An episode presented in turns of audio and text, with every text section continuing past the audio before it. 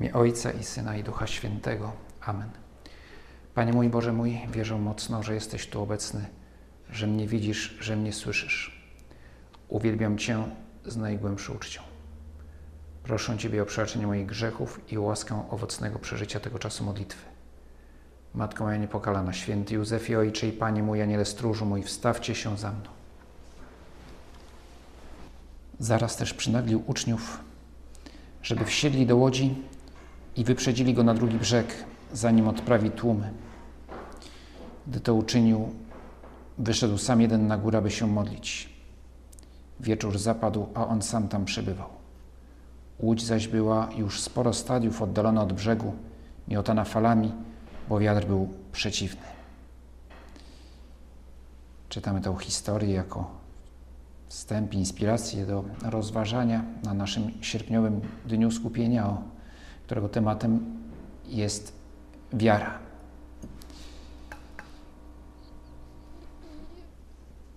Doświadczenie, które właśnie mieli, czyli ta historia, którą, którą, którą opowiada święty Mateusz, e, no w jakiś sposób może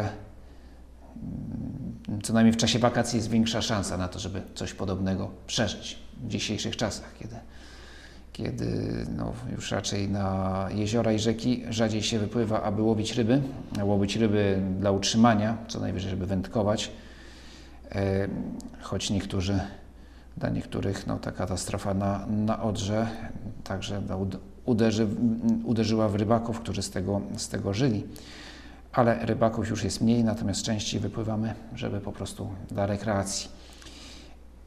I miałem takie doświadczenie, myślę, że jakoś zbliżone do tego szkwału, nie na żaglówce, ale na kajaku, bo żaglówka, dobra, to jest innego rodzaju wyzwanie, kiedy jest szkwał, natomiast na kajaku, no rzeczywiście człowiek się czuje bardzo kruchy, słaby, yy, niewiele może poradzić, trzeba uważać, żeby fala nie przewróciła tej, tej bardzo małej jednostki pływającej, no i jeszcze wiosłowanie pod wiatr rzeczywiście może być szalenie frustrujące, tak, kiedyś ta, E, kajak przesuwa bardzo powoli.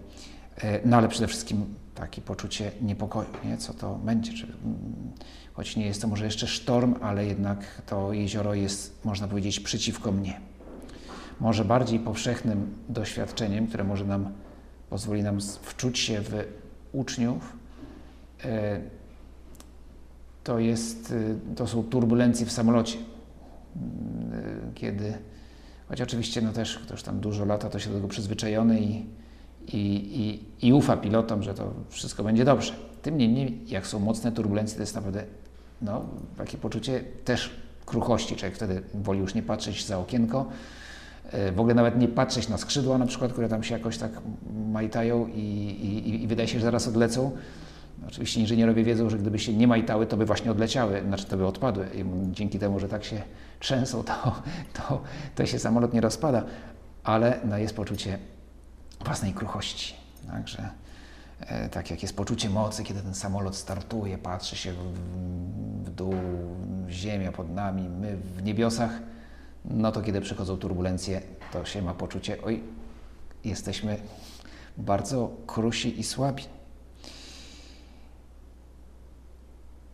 Uczniowie też trzeba wziąć to jeszcze pod uwagę, że zmagali się z wiatrem, ze szkwałem w nocy, w ciemnościach.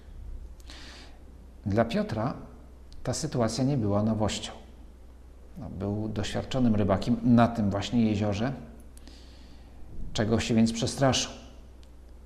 Może przestraszył się, bo właśnie wiedział, że te szkwały mogą być bardzo niebezpieczne i że nie jeden rybak tak zginął w czasie takiego szkwału, ale ale może być też, że był po prostu on i inni uczniowie byli bardzo zmęczeni, wyczerpani psychicznie, nie załamani, bo właśnie przeżyli coś wspaniałego, przeżyli cud rozmnożenia chleba.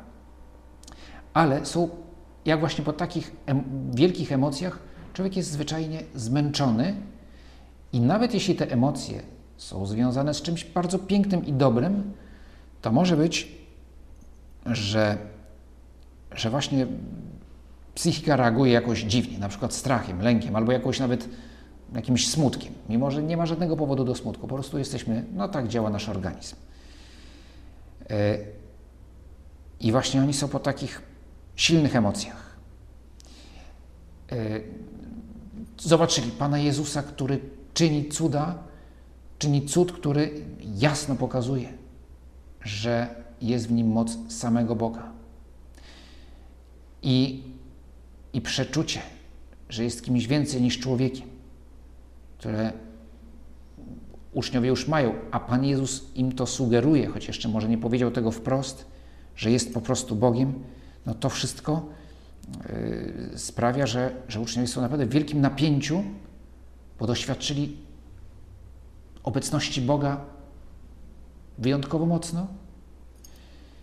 No a teraz, no a teraz są sami, bez Pana Jezusa, wobec natury, która burzy się przeciwko nim. I może gdzieś w głowie Piotra pojawiło się myśl po tym doświadczeniu obecności Boga. Teraz możemy mieć doświadczenie, może to jest to zły duch. Tutaj to jezioro przeciwko nam zwraca. Że jakieś siły, których Piotr nie zna, ale są mu przeciwne, siły tajemnicze, nadprzyrodzone, że one w niego przeciwko niemu, przeciwko nim się zwracają.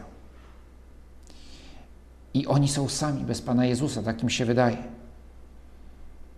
I, i to ich napełnia lękiem.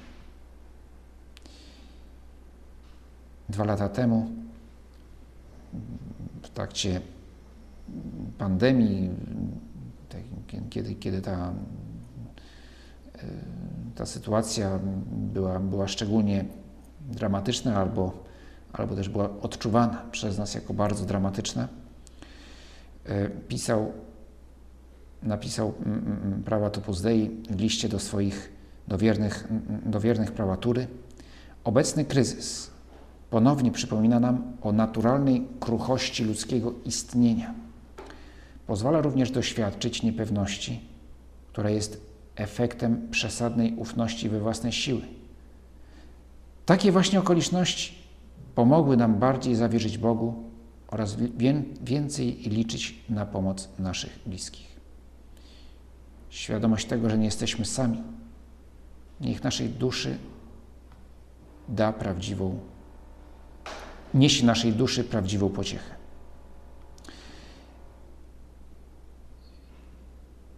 Żyjemy w epoce bardzo burzliwej.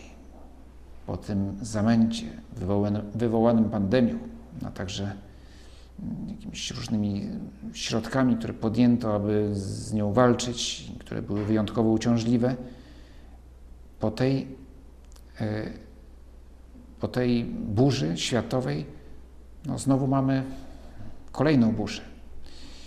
E, I naprawdę jesteśmy, żyjemy w czasach no, nieporównanych, co najmniej z naszego punktu widzenia, tu Polski czy Europy, nieporównanie bardziej e, niespokojnych niż jeszcze 10 lat temu. Epidemia, wojna, kryzys gospodarczy, potężny kryzys kulturowy, który teraz czujemy dużo mocniej niż przed 10 czy 20 lat, związany z rewolucją technologiczną oraz tą gwałtowną laicyzacją. Co najmniej my tu w Polsce tego doświadczamy. Może Zachód już to, już to ma no, ma za sobą i to doświadczenie, a my jesteśmy w jego trakcie. Czasy są burzliwe. No i możemy mieć takie poczucie, że właśnie tak jak uczniowie na, na jeziorze, że zwraca się ku nam, przeciwko nam, nie ku nam, ale przeciwko nam. Zwraca się natura i, i nasza ludzka, upadła natura daje o sobie bardziej znać. Rząd zapanowania, przemoc, odrzucenie Boga, to wszystko no, to, są, to, to są owoce czy skutki naszej ludzkiej słabości, wynikającej z tego, że nasza, natura jest osłabiona grzechem.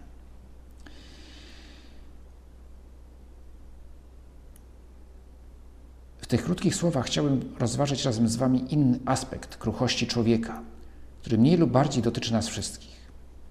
Chodzi mi o osobiste słabości, których czasem doświadczamy, widząc zarazem na przeciwległym biegunie wspaniałość wiary chrześcijańskiej oraz ducha dzieła.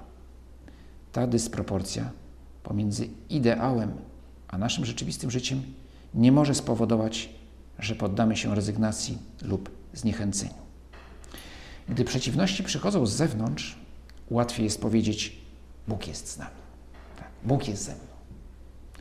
E, I stawiam czoła tym przeciwnościom. Może czasami ogarnąć mnie zwątpienie, że brakuje sił, aby walczyć, czy to z, ze złem wywołanym przez człowieka, czy z siłami natury, które nam zagrażają. Ale można powiedzieć, Bóg jest z nami, e, bo ja pragnę dobra, bo to zło przychodzi z zewnątrz. Ale problem jest wtedy, kiedy, większy problem jest, kiedy ten kryzys jest we mnie. Kiedy to we mnie tkwi coś, co mnie osłabia, co mnie odciąga od dobra, co mnie odciąga od Boga, co powoduje pęknięcie w moim życiu. I gdy podejmuję walkę, aby właśnie to pęknięcie, tą słabość przezwyciężyć, jeszcze bardziej mogę doświadczyć, że właśnie jestem słaby, bo mi nie wychodzi. I wydaje się, że mój wysiłek jest daremny, że wiosłuję, tak jak ci uczniowie pod wiatr, łódź targana e, szkwałem nie posuwa się do przodu. Tyle się staram, tyle spowiedzi, tyle postanowień. E, I cały czas nie mogę przezwyciężyć jakiejś wady. Albo nawet mam wrażenie, że się jeszcze pogarsza wrażenie, że stoję w miejscu. Każdy z nas pewnie nieraz takie doświadczenie miał. No a to jest, to jest ta sytuacja, której obrazem, no, to, to jest sytuacja, której obrazem jest właśnie owo zdarzenie, które teraz rozważamy, burzy na jeziorze. Walczę sam w ciemnościach, nie posuwam się naprzód, i czuję, że jestem coraz słabszy. I nie wiem, gdzie jest Pan Jezus. Wydaje się, że jest bardzo daleko. Lecz o czwartej straży nocnej przyszedł do nich krocząc po jeziorze. Uczniowie, zobaczywszy go kroczącego po jeziorze, zlękli się, myśląc, że to zjawa, i ze strachu krzyknęli. Jezus zaraz przemówił do nich: Odwagi, ja jestem, nie bójcie się. Pan Jezus przychodzi do nich. Ale to nie jest tak, że pomyślał, o, zobaczę, co tam u chłopaków, że dobrze im tam idzie. O, red, jakiś chwał. Nie, On cały czas jest przy nich. Choć modli się na, na brzegu, od którego odbili, choć został na tym brzegu, jest z nimi. Nie spuszcza z nich oka. Może nawet dosłownie był jakimś wzgórzu i no, było ciemno, więc nie mógł widzieć, ale ale jak odpływali, to widział, gdzie odpływają. Zresztą wiedział, gdzie są. Wiedział, skoro do nich przyszedł, to wiedział. Jest blisko, czuwa.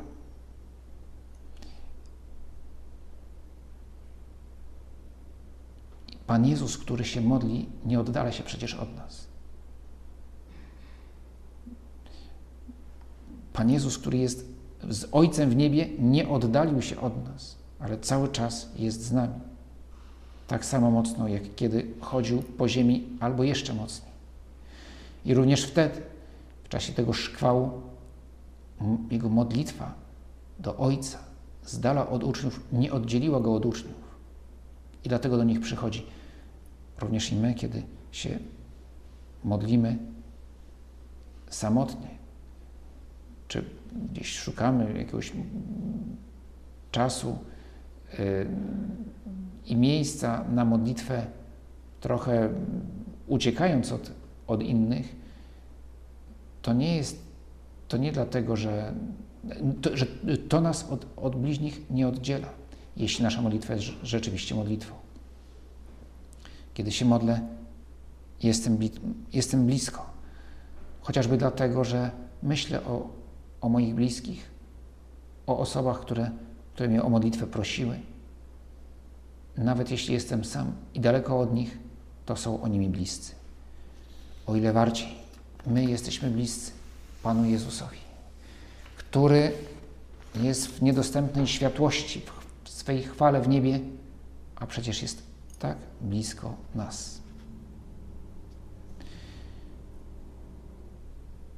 Uczniowie przestraszyli się zjawy. Przestraszyli się tego, co nadprzyrodzone, jak widzą Pana Jezusa, który idzie do nich. Yy, kroczący po jeziorze. Oni się go boją. Boją się, bo po pierwsze, no może rozpoznają, że, że postać Pana Jezusa, no ale wydaje mi się to tak niewiarygodne, że boją się, że to jest jakaś, jakaś złuda albo mm, znaczy złuda czy ułuda, której pochodzenie jest, może być niebezpieczne. Albo po prostu, nawet jeśli nie pomyśleli, a to nie wiadomo, czy to duch, czy on jest dla nas dobry, czy zły, ale tak, to jest Pan Jezus, który idzie po jeziorze, to mogło ich przerazić właśnie sam ten fakt, że On idzie po jeziorze. E, wydaje się, że go nie rozpoznali w pierwszym momencie i dlatego do nich krzyczy: Odwagi, to ja jestem.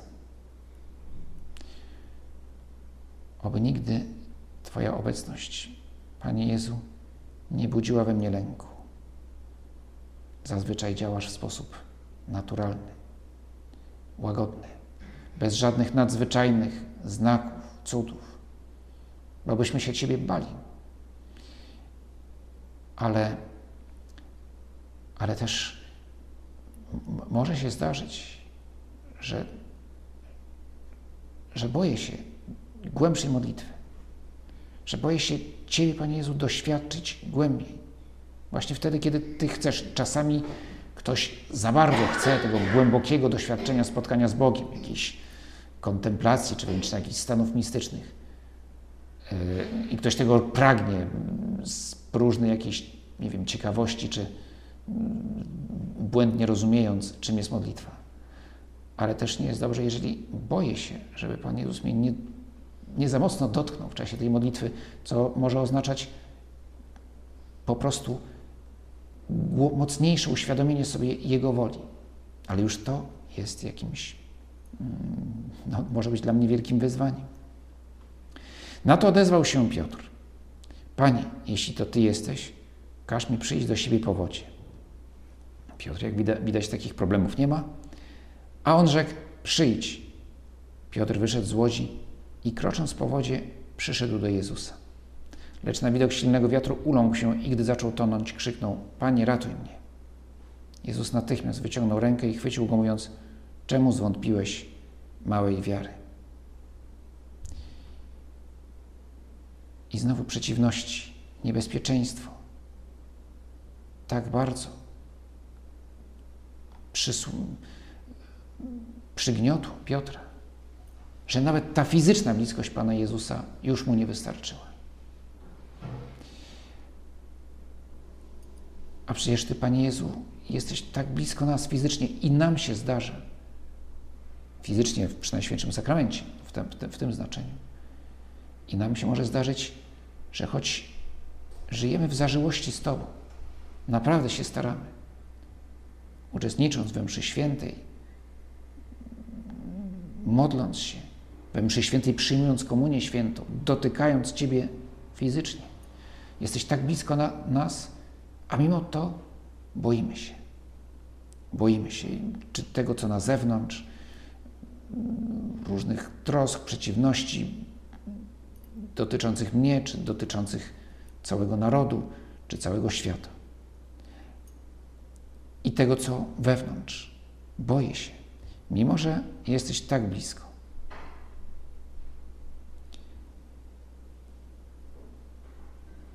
Panie, ratuj mnie. Jezus natychmiast wyciągnął rękę i chwycił go, mówiąc: Czemu zwątpiłeś małej wiary? To, czego żądasz, Panie Jezu, to właśnie wiara. Jak rozumiana? Jako zaufanie. Całkowite zaufanie Tobie.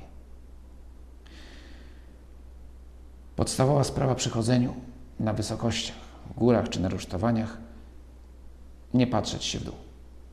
No chyba, że ktoś ma zupełnie, jest pozbawiony lęku wysokości, no to wtedy się tym nie musi przejmować. No ale większość ludzi w mniejszym lub większym stopniu ma lęk wysokości, więc, więc uważać, nie patrzeć się w dół. Ale nasze zaufanie Bogu polega na czymś więcej. To nie jest tylko, właśnie nie polega na tym, żeby nie patrzeć, nie myśleć. Zaufać ślepo Bogu, ale ślepo właśnie, że dobra, robię co każe i, i nie myślę o niczym.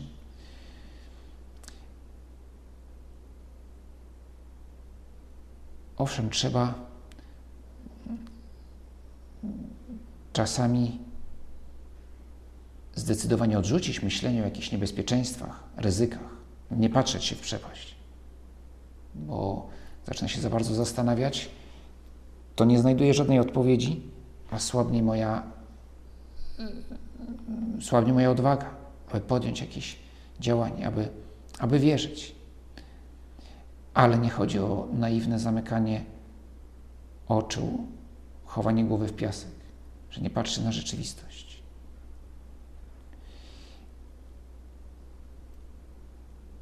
Ja Tobie, Panie Jezu, ufam, wiedząc, jakie, że, że zaufać Tobie to jest z ludzkiego punktu widzenia wielkie ryzyko. Choć o wiele większym ryzykiem jest nie zaufać. Szaleństwem jest pokładanie ufności w Bogu, powiadają. Właśnie ci, którzy patrzą tylko kategoriami ludzkimi. A czy nie jest większym szaleństwem zaufanie sobie samemu lub innym ludziom? Zadaje to retoryczne pytanie święty Josemaria w bruździe, pokazując no, tą prostą prawdę. Wiara jest ryzykiem? Tak. A nie wiara jeszcze większym. Ale patrząc jakby tylko z perspektywy mądrości tego świata, to wydaje się, że większym ryzykiem jest wierzyć niż nie wierzyć. Wiara jest ryzykiem? W jakiś sposób tak. Rozum mówi mu, nam, że, że Bóg jest, że inaczej świat nie miałby sensu. Wtedy ktoś powie, no właściwie to, to jak można, jak można odrzucić prawdę o tym, że istnieje Bóg, skoro ona, jej odrzucenie sprawia, że świat traci sens. Ale dzisiaj żyjemy w epoce, która odrzuciła zarówno chrześcijaństwo w kulturze, która albo co najmniej star- próbuje odrzucić, no i niestety z dużymi sukcesami, odrzucić już nie tylko chrześcijaństwo, ale również tą imitację chrześcijaństwa, jaką jest wiara w rozum. To, to no, można nazwać y, religię oświecenia. No Boga nie, od Boga, do Boga bierzemy dystans, ale rozum, tak, jest obiektywna miara wszystkich rzeczy, to jest nasz rozum i, i, yy, i taka imitacja kiepska, choć parę wieków przetrwała, również i ta imitacja chrześcijaństwa jest odrzucana. Bo odrzucana jest w ogóle wiara w prawdę obiektywną i odrzucane jest pytanie o sens. Przyjmujemy jakiś zbiór wartości, który zaspokoi nasze pragnienia tu i teraz. Pokój, harmonia, dobrobót i jak najmniej cierpienia. Czy te zasady są prawdziwe, czy nie? Wielu dzisiaj odpowiada, nieważne. Ważne, żeby jakoś to było. I to jest mądrość tego świata. Przed chrześcijaństwem, obok chrześcijaństwa. No i chciałem powiedzieć po chrześcijaństwie, ale, ale, ale nasza wiara nigdy nie minie, nie przejdzie do historii, bo jest prawdziwa. Natomiast Natomiast powraca to myślenie, ten sposób patrzenia na świat, przeżyć jakoś. Mądrość polega nie na pytaniu o to, dlaczego, pytaniu o sens, ale jak przetrwać i jak najmniej cierpieć. Ale to nie jest. To jest wręcz na, mimo że z tego sposobu myślenia mogą pewną mądrość i dla chrześcijanina można wydobyć, to jednak jako całość jest to błędne podejście. Ja wierzę, że jesteś na początku wszystkiego i że Ty jesteś celem wszystkiego i Tobie się poddaję. I to jest ryzyko. Wielu tych, którzy powie, ależ to jest ryzyko. Dlaczego? Dlatego, że ta wiara oznacza, że muszę podporządkować Bogu moje życie. Jego woli. To jest naturalne, nie, że On mnie rozkazuje, odbiera mi wolność. Nie, nie odbiera mi wolności, tylko kiedy widzę Jego, to sobie zdaję sprawę z tego, co jest sensem mego życia. I, i to oznacza pewne pójść za Nim. To oznacza pójść za Nim. A pójść za Tobą, Panie Jezu, to jest wyzwanie. To jest trud. Jeżeli ktoś chwieje się w wierze i mówi, ale nie wiem, czy Bóg jest, czy nie ma. Dobrze, będę żył tak, jakby Bóg był, ale czy On jest, czy Go nie ma, a mniejsza o to. Nie, to nie jest postawa, to jest postawa pogańska. Są jacyś bogowie, albo ich nie ma, a mniejsza o to. Ważne, że są jakieś reguły, zasady postępowania i jakoś się turlamy. Ale dla chrześcijanina to jest absurd. Bo my opieramy naszą wiarę na przekonaniu o istnieniu prawdy obiektywnej. Czy spędzić, takie proste pytanie wakacyjne, czy spędzić niedzielę nad jeziorem, czy też wyrwać tych parę godzin, bo jesteśmy daleko od kościoła, aby pójść tam przeświętu. Jeśli Boga nie ma, albo jest obecny, albo nie jest obecny w Eucharystii, hmm, no to wtedy stracę piękny dzień, dzień niepowtarzalny. No, jeżeli Boga nie ma, to ten dzień jest niepowtarzalny choćby dlatego, że, że, po, że minie ileś tam set czy tysięcy dni i potem życie się skończy i nie będzie już nic. No to, no to trzeba używać. To nie ma sensu tracić pięknego dnia, żeby pójść do kościoła. Jak pada, to tak, bo tam przyjemnie w kościele można nawet sobie trochę pomarzyć o tym, że może jednak Bóg jest, a może go nie ma, ale może jednak jest, a nie wiem, ale jest miło. Ale teraz nie, to jest ryzyko stracenia dobrego dnia, ładnego dnia. Mówię, daję jeden przykład, wydaje się absurdalny, ale on nie jest. Znaczy jest absurdalny, ale jest realny. Naprawdę, wiele osób tak podchodzi do wiary. Wierzą, które uważają się za wierzące, ale nie na tyle, żeby ryzykować utratę ładnego dnia nad jeziorem dla spotkania z Panem Jezusem, no bo no bo nie wierzą w Niego, nie są pewni Jego ich wiara jest słaba, albo wręcz patrzą, jest, czy Go nie ma. Nie wiem. Ta nasza wiara to taka jest tylko część naszej kultury, ale to nie jest fundament mojego życia. Boję się, żeby był to fundament mojego życia. To jest ryzyko. Oczywiście są wybory o wiele poważniejsze, o wiele głębsze. Kiedy naprawdę oddaję no, pytaniem jest to, czy jestem gotów moje życie poświęcić dla Ciebie, Panie, Panie Boże. Być gotowym na wielkie wyrzeczenie, na oddanie swego życia. Miesiąc temu byłem w muzeum y, poświęconym y, małżeństwu Ulmów, bohaterów, y, którzy oddali swoje życie ukrywając, e, ukrywając Żydów w swoim gospodarstwie. W końcu Niemcy ich namierzyli i zamordowali jego, ją i dzieci. I słyszałem taką opinię człowieka, który uważa się za chrześcijanina, że nie wolno im było ryzykować życia dzieci, aby ratować obcych, e, obcych ludzi. że to było zbyt wielkie ryzyko, że takiego ryzyka nie można podejmować. Ale ulmowie czym się kierowali? Kierowali się wiarą. Jest zachowana piękna relikwia po, e, po nich. Ta e, książka, w której e, Pismo Święte, gdzie jest podkreślone na czerwono przypowieść o miłosiernym Samarytaninie. I ci czyń, ty czyń, czyń podobnie. I oni to właśnie zrobili, poświęcając wszystko, co najcenniejsze, swoje życie. I trudno powiedzieć, że poświęcili życie swoich dzieci, ale, ale swoją ból, którym była świadomość, że ich dzieci też zginą. Ale podjęli to ryzyko. Dlaczego? Dla Chrystusa.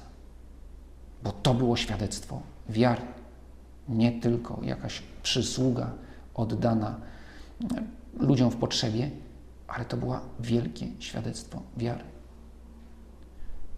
Chrześcijanin na takie ryzyko musi być gotowy. Błogosławiona jesteś, któraś uwierzyła, że spełnią się słowa powiedziane Ci od Pana. Te słowa były skierowane do Maryi z jej pomocą. I my możemy je przyjąć.